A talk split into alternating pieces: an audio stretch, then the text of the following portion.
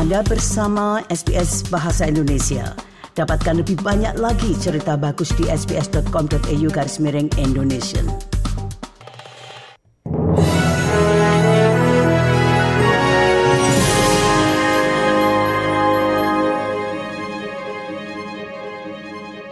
Berita selengkapnya.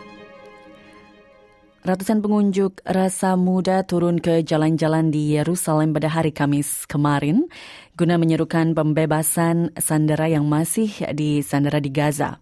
Unjuk rasa tersebut pendengar diorganisir oleh pemuda dari Kibbutz Kfar Aza, salah satu dari lebih dari 20 kota dan desa yang diserang oleh Hamas pada hari pertama konflik. Para pengunjuk rasa muda tersebut bermaksud menekan pemerintah agar membebaskan lebih dari 100 sandera yang masih ditahan. Yair Ofir, seorang pengunjuk rasa berusia 18 tahun, mengatakan para remaja ini menyuarakan pendapat mereka. We're here because we have people our age in Gaza. We want them to come back to their homes, and that's why we come here. We want them to, to come back, and uh, that's why we're here. We want to share our, our voice of the, of the teenagers. Sementara itu di New York telah dilakukan protes untuk mendukung rakyat Palestina di Gaza. Diorganisir oleh Within Our Lifetime, sebuah organisasi komunitas yang dipimpin warga Palestina. Para pengunjuk rasa meneriakkan slogan-slogan dan mengibarkan bendera Palestina di dekat distrik keuangan di New York.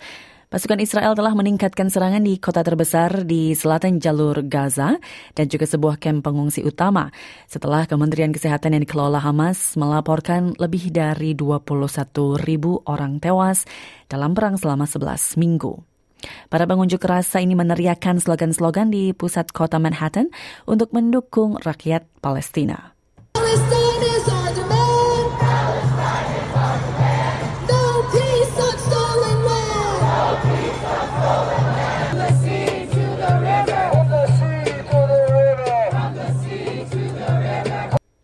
Tentara Israel mengumumkan kematian tiga lagi tentara pada Kamis pagi, menjadikan total korban tewas di Gaza sebanyak 167 orang. Seorang remaja laki-laki yang tewas dalam serangan hiu di lepas pantai Australia Selatan pendengar dikenang sebagai anggota komunitas lancar yang berbakat dan sangat dicintai.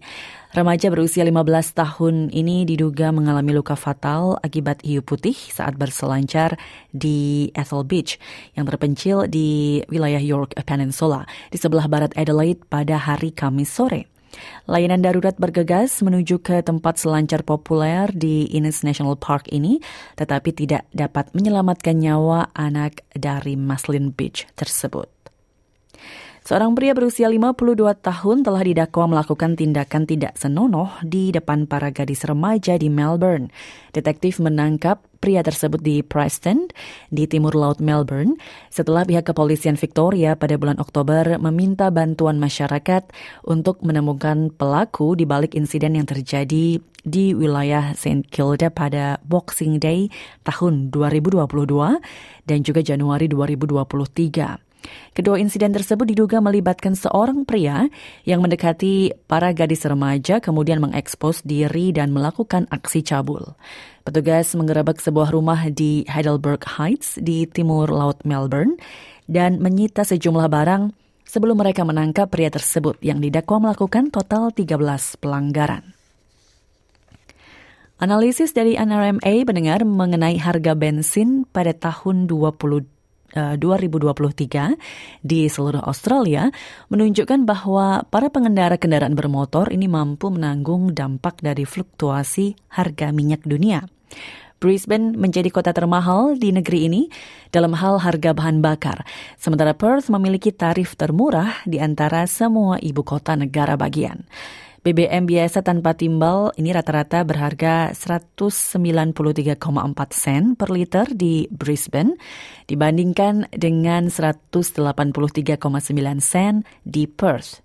Adelaide, yang memiliki salah satu stasiun layanan independen terkuat di negeri ini, mencatat harga termurah kedua pada tahun ini yakni sebesar 186 sen per liternya. Malam tahun baru bisa jadi merupakan malam yang basah di sebagian wilayah timur Australia. Dengan cuaca yang lebih buruk ini diperkirakan terjadi pada akhir pekan.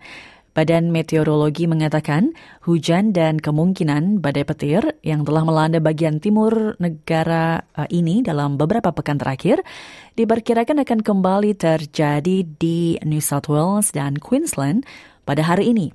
Wilayah timur laut New South Wales akan mengalami curah hujan terbesar di negara bagian ini dengan badai petir yang terisolasi dan mungkin juga parah menjelang malam tahun baru. Hujan yang tersebar diperkirakan akan terjadi di wilayah lainnya dengan kemungkinan adanya badai. Queensland juga diperkirakan akan dilanda cuaca basah dengan hujan dan badai petir terisolasi diperkirakan terjadi di sebagian besar wilayah negara bagian tersebut, kecuali di sisi barat daya. Ada kemungkinan juga terjadinya badai petir yang berbahaya di sisi tenggara negara bagian tersebut, disertai angin yang merusak, hujan es, dan curah hujan yang tinggi.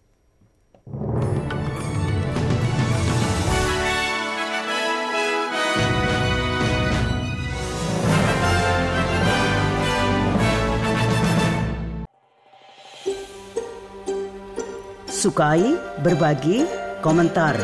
Ikuti SBS program Bahasa Indonesia di Facebook.